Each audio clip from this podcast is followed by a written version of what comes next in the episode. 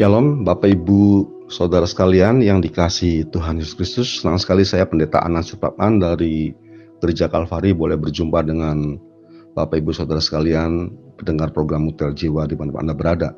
Saudara sebelum saya ingin menyampaikan sharing firman Tuhan Saya ingin mengajak saudara semuanya untuk bersatu di dalam doa Biar Tuhan memimpin dan mengurapi kita semuanya. Mari kita berdoa. Di dalam nama Bapa, Putra, dan Roh Kudus, di dalam nama Tuhan Yesus Kristus, kami mengucapkan syukur dan berterima kasih karena anugerah Tuhan yang Tuhan berikan kepada kami sehingga kami hari ini dalam keadaan sehat ataupun kami dalam keadaan sakit tetapi kami masih memiliki waktu untuk mendengarkan firman Tuhan itu juga ada sebuah anugerah Tuhan yang berlimpah dalam diri kami. Hambamu memohon kiranya engkau melayakkan hambamu untuk menjadi berkat firman Tuhan buat pendengar program Mutiara Jiwa di mana mereka berada. Pengurapanmu turun juga untuk seluruh sidang jemaatmu, untuk pendengar program Mutiara Jiwa di mana mereka berada dalam rumah tangga mereka masing-masing, di tempat mereka berada Tuhan juga hadir. Terima kasih Bapak, terpujilah namamu. Dalam nama Tuhan Yesus kayak berdoa. Haleluya. Amin. Haleluya. Shalom saudara sekalian. Puji Tuhan, saya ingin sharing firman Tuhan di dalam Yosua pasal yang ke-24, Yosua pasal 24 ayat yang ke-14 sampai dengan ayat yang ke-15 firman Tuhan berbunyi demikian. Oleh sebab itu takutlah akan Tuhan dan beribadahlah kepadanya dengan tulus ikhlas dan setia. Jauhkanlah ilah yang kepadanya nenek moyangmu telah beribadah di seberang sungai Efrat dan di Mesir dan beribadahlah kepada Tuhan. Tetapi jika kamu anggap tidak baik untuk beribadah kepada Tuhan, pilihlah pada hari ini kepada siapa kamu akan beribadah. Ilah yang kepada nenek moyangmu beribadah di seberang sungai Efrat, atau ilah orang Amori yang negerinya kamu diami ini. Tetapi aku dan sisi rumahku, kami akan beribadah kepada Tuhan. Saudara pendengar program Mutiara Jiwa yang diberkati Tuhan, yang dikasih Tuhan. Pernyataan yang sangat tegas dari seorang yang bernama Yosua dalam Yosua pasal 24 ayat yang ke-15 bagian akhir tadi dikatakan aku katakan tetapi aku dan seisi rumahku kami akan beribadah kepada Tuhan. Yosua berkomitmen aku tetap beribadah kepada Tuhan dalam keadaan apa pun juga, dalam situasi apa pun juga, aku tetap beribadah kepada Tuhan. Ini sebuah pernyataan yang tegas, pernyataan yang jelas. Saudara pendengar, saya mengatakan istilah daripada Yosua ini, Yosua sedang mengadakan, mengistilahkan, sedang melakukan sebuah proses rededikasi. Yosua sedang mengadakan proses rededikasi. Apa yang dimaksud dengan proses rededikasi saudara Sudah dalam Yosua pasal 24 Lembaga Alkitab Indonesia dia menjelaskan memberikan sebuah satu judul tentang pembaruan perjanjian di Sikep. Jadi ada pembaruan perjanjian, pembaruan komitmen dalam diri Yosua ini. Yosua dimulai dengan sebuah proses sebagai seorang yang di bawah bimbingan daripada Musa, saudara kalian. Yesus mengalami proses perjalanan iman demikian. Mengikuti mentor, dididik sampai Yosua ini masuklah ke tanah Kanaan. Tapi perjalanan hidupnya Yosua ini menemui atau menemukan berbagai-bagai tantangan, berbagai-bagai persoalan yang harus dihadapi ketika dia menjadi pengintai untuk anak-anakan. Rakyat masyarakat warga umat waktu itu dia menolak masuk ke tanah kanan dia takut menghadapi bahaya. Tapi Yosua tetap menenangkannya. Yosua bin Nun dan Kaleb bin Yefune ini dia berjuang saudara ada perjalanan yang lalu mengalami rededikasi. Tapi saudara sekalian proses untuk mengalami dedikasi ini mau tidak mau ada sebuah proses yang namanya memperkenalkan dan diperkenalkan. Yosua tentu bisa merededikasi karena dia berkenal dengan sang penebus itu. Yahweh, sang penolong itu. Saudara kita juga sebagai orang percaya, saudara saya berharap saudara di mana pun Anda berada, saudara pernah mengalami perjumpaan secara pribadi dengan Tuhan. Sekali lagi, mengalami perjumpaan pribadi dengan Tuhan. Hal inilah yang disebut nanti kita bisa mendengar rededikasi. Jadi perjalanan Yosua adalah ada yang memperkenalkan, ada yang memberitakan. Sama seperti saya, Tentu mungkin juga saudara sekalian, saudara sekarang menjadi orang percaya, mengenal Tuhan Yesus, bahkan sekarang ambil bagian dalam satu medan, satu lah, ladang pelayanan pekerjaan Tuhan. Karena awalnya titik tolaknya adalah ada orang yang memperkenalkan Yesus sebagai Tuhan dan Juru Selamat. Ada orang yang menceritakan Tuhan Yesus Kristus sebagai Tuhan dan Juru Selamat. Saudara saya, ada orang yang pernah sekelompok kudus sekolah minggu dari gereja Kalvari memperkenalkan Kristus dan saya hanya mengikuti sekolah minggu. Mungkin juga saudara sekalian, saudara diperkenalkan tentang Kristus bisa melalui guru sekolah minggu, melalui pendeta dari organisasi pelayanan dari radio, dari buku-buku. Ada orang yang memperkenalkan. Nah, jadi dengan demikian saudara sekalian, maka kita punya tanggung jawab dan punya kewajiban hal yang sama.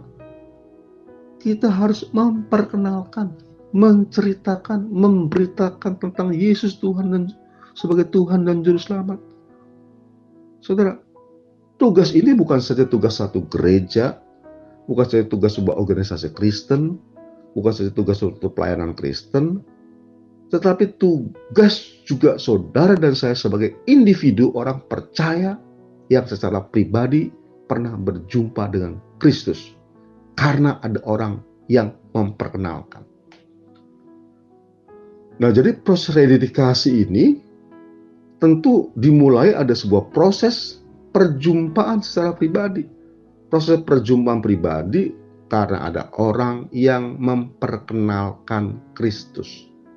Saudara pendengar, saudara punya tanggung jawab, punya kewajiban untuk memperkenalkan Kristus sebagai Tuhan dan Juru Selamat pribadi kita masing-masing. Tentu proses memperkenalkannya tidak harus selalu dengan satu ucapan, dengan tindakan kita, perhatian kita, dompet kita, waktu kita, doa kita terhadap tetangga, karyawan, asisten rumah tangga kita, saudara sekalian, saudara-saudara kita, kita punya kewajiban memperkenalkan. Nah, saudara, proses memperkenalkan ini karena kita apa tadi kita mengalami Kristus tadi. Ya, akibat kita diperkenalkan, kita memperkenalkan, kita mengalami Kristus dan ini adalah sebuah titik tolak sebuah pengalaman yang luar biasa karena kita mengalami Kristus. Saudara, ada sebuah pengalaman yang indah. Saudara saya percaya saudara semuanya juga adalah orang yang pernah mengalami Kristus berjumpa secara Tuhan secara pribadi dan menerima Tuhan sebagai Tuhan dan Selamat. Inilah ada sebuah proses yang namanya mengalami Kristus. Saudara kita mari diri kita masing-masing kita harus mengalami Kristus dengan ada kata sebuah pengalaman rededikasi, pengalaman-pengalaman indah. Sudah suatu hari saya berkesempatan mengunjungi Holy Land, saudara sekalian dan saya juga berkunjung di Sungai Yordan. Nah, pada kesempatan itu ada hmm, peserta tur juga yang akan dibaptis di Sungai Yordan ini. Setelah sebelum melakukan pembaptisan ini, tentu saya menyampaikan dua hal, saudara sekalian. Dua hal. Sama seperti uh, orang waktu kita mengunjungi sebuah tempat kanak di mana ada pernikahan pertama suatu sekali ada pasangan-pasangan juga yang dinikahkan di situ artinya makanya kita memberikan sebuah penjelasan bahwa waktu di Kana ataupun waktu di Sungai Yordan itu bukan baptis ulang.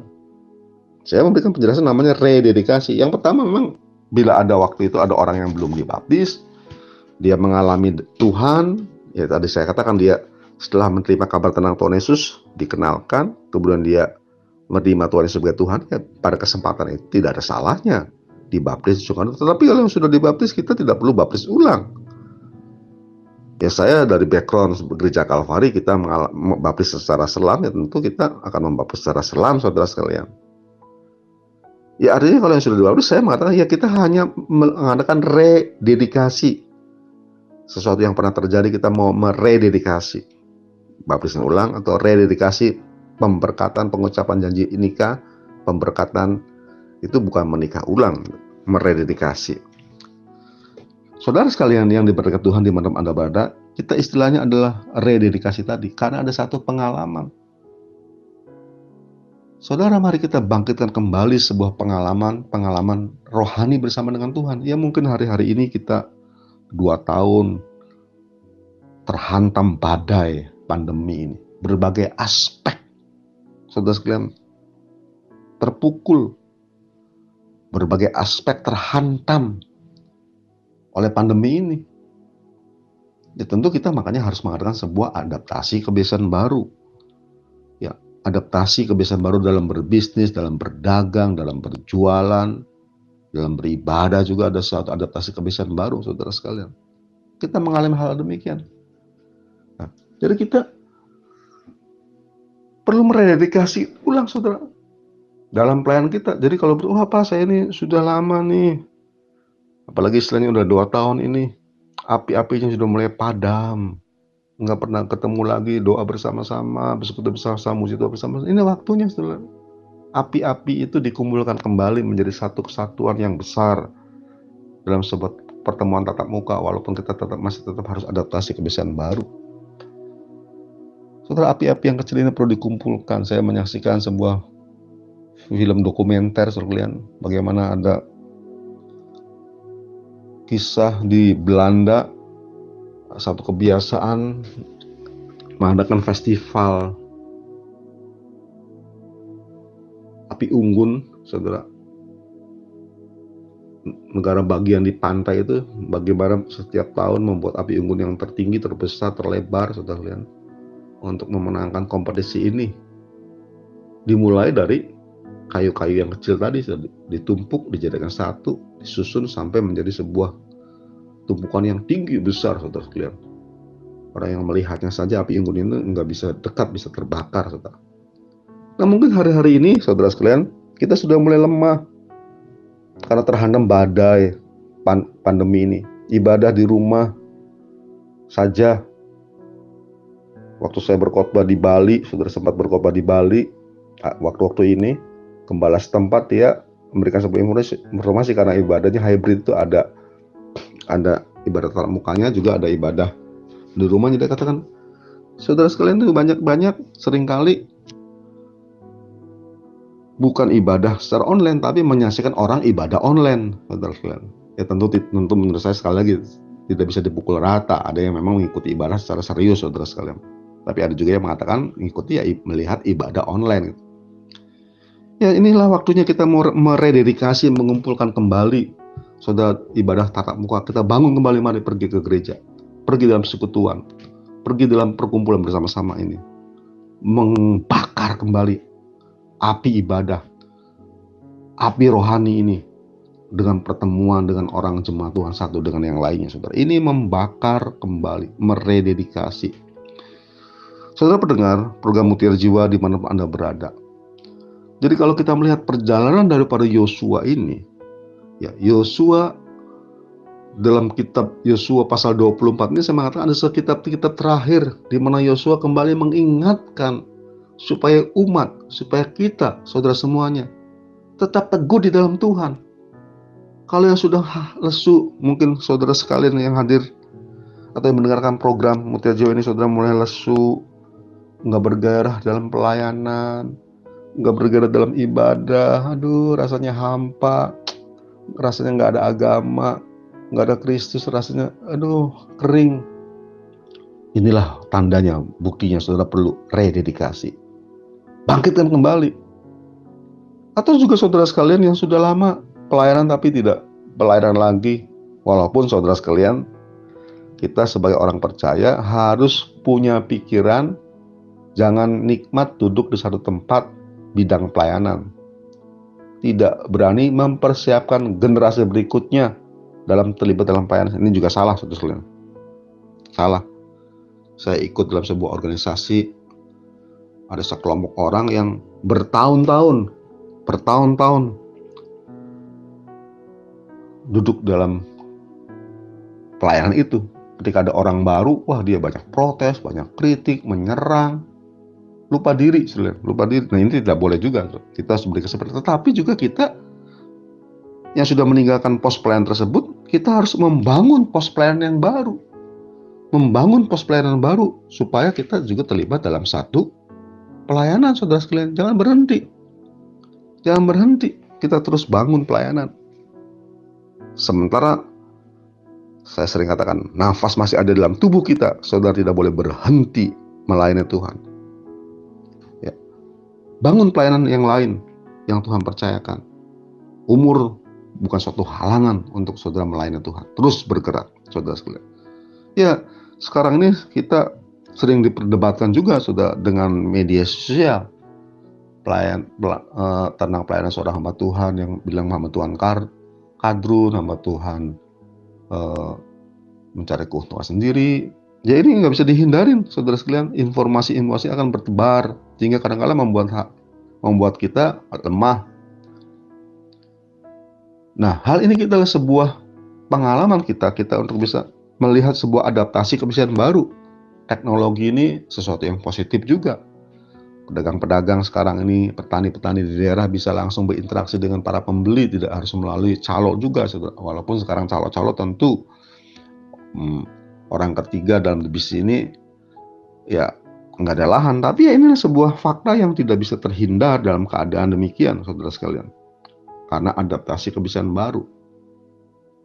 Di media sosial juga mungkin saudara diperhadapkan sekarang karena sering ada waktu di rumah, waktu luang, ada HP, kita menyaksikan YouTube, berita-berita yang demikian sehingga kita merasa menjadi tercemar pelayanan kita dengan informasi-informasi yang ada di media sosial. Nah, kita harus bijaksana, bijaksana.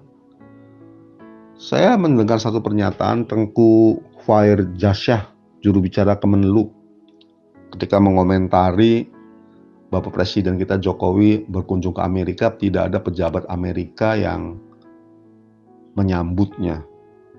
Nah kemudian ya biasa gitu setelah di media sosial wah bisa mengatakan wah ini nggak menghargai nggak dihargai. Kemudian muncullah pernyataan dari Teku Faisal Syah juru bicara Kemenlu. Dia katakan sangat disayangkan mengambil kesimpulan tanpa paham situasi. Ya karena tadi sudah nyinyiran tadi. Juru bicara ke, ke, Kementerian Luar Negeri ini dia mengatakan semuanya itu sebuah prosedur yang standar bahwa memang Pak Presiden ini dia mengunjungi ke Amerika itu bukan dalam konteks kunjungan kenegaraan ke Amerikanya karena tapi dia menghadirin G20 konferensi apa gitu sebenarnya. Jadi kunjungan bilateral dan, dan prosedurnya SOP-nya adalah dikirim tenaga keamanan pas panpres lah untuk menjaga itu tuh suatu standarnya demikian bukan pejabat pemerintah yang menyambutnya saudara. Jadi ya tadi saudara. Sehingga dikatakan sangat disayangkan banyak orang mengambil kesimpulan tanpa paham situasinya ya tadi. Banyak ngomong, banyak cerita, banyak komentar, nggak ngerti situasinya. Itulah yang terjadi dunia sekarang ini saudara, nggak bisa dihindarin. Cuma punya ilmu dikit, banyak komentarnya, ngomongnya panjang-panjang, komentar kritiknya macam-macam. Tapi itulah namanya adaptasi kebiasaan baru.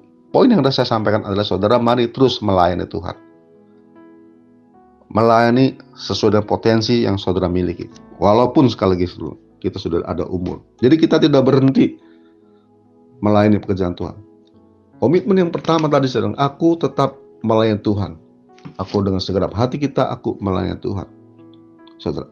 Nah, kemudian hal yang berikutnya yang perlu perhatikan adalah saudara. Dikatakan demikian. Ayat yang ke-15. Tetapi jika kamu anggap tidak baik untuk beribadah kepada Tuhan, pilihlah pada hari ini. Inilah pilihlah pada hari ini. Saudara, hari ini saudara mengambil keputusan untuk bangkit dari kelesuan.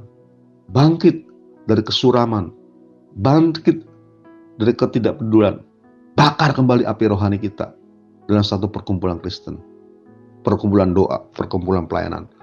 Bangkit kembali dalam pelayanan. Ambil bagian kembali dalam pelayanan menjadi sebuah pelayanan yang bergairah. Hidup Kristen menjadi bergairah lagi.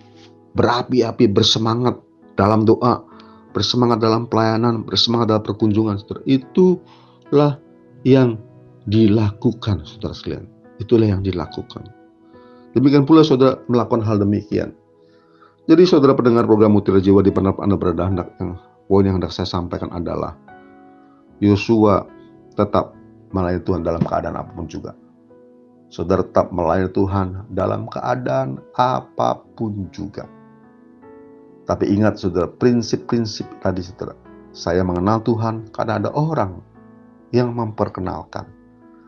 Saudara mengenal Tuhan karena ada orang yang memperkenalkan. Oleh sebab itu, tanggung jawab pemberitaan Injil Yesus Kristus, Injil keselamatan ada dalam diri kita. Saudara melakukan pemberitaan Injil melalui berbagai aspek. Dan yang ketiga adalah kita harus mengalami Tuhan. Perjumpaan Tuhan dalam diri kita membuat kita bergairah. Kalau hari-hari ini saudara mulai lesu, letih lagi, saya ingin mengajak saudara, mari kita bangkit kembali. Layani Tuhan, temukan kebahagiaan di dalam Tuhan. Dan saya percaya kuat kuasa roh kudus menyertai saudara semuanya. Tuhan memberkati kita semuanya. Mari kita berdoa. Bapa di surga di dalam nama Tuhan Yesus. Seperti Yosua mengatakan pada hari ini juga. Aku menantang engkau. Apakah engkau akan tetap setia beribadah? Atau engkau berpaling dari Tuhan? karena kedudukan, karena situasi, karena penyakit kita berpaling kepada Tuhan. Tapi hambamu berdoa Tuhan hari ini untuk seluruh pendengar program Mutiara Jawa di mana mereka berada.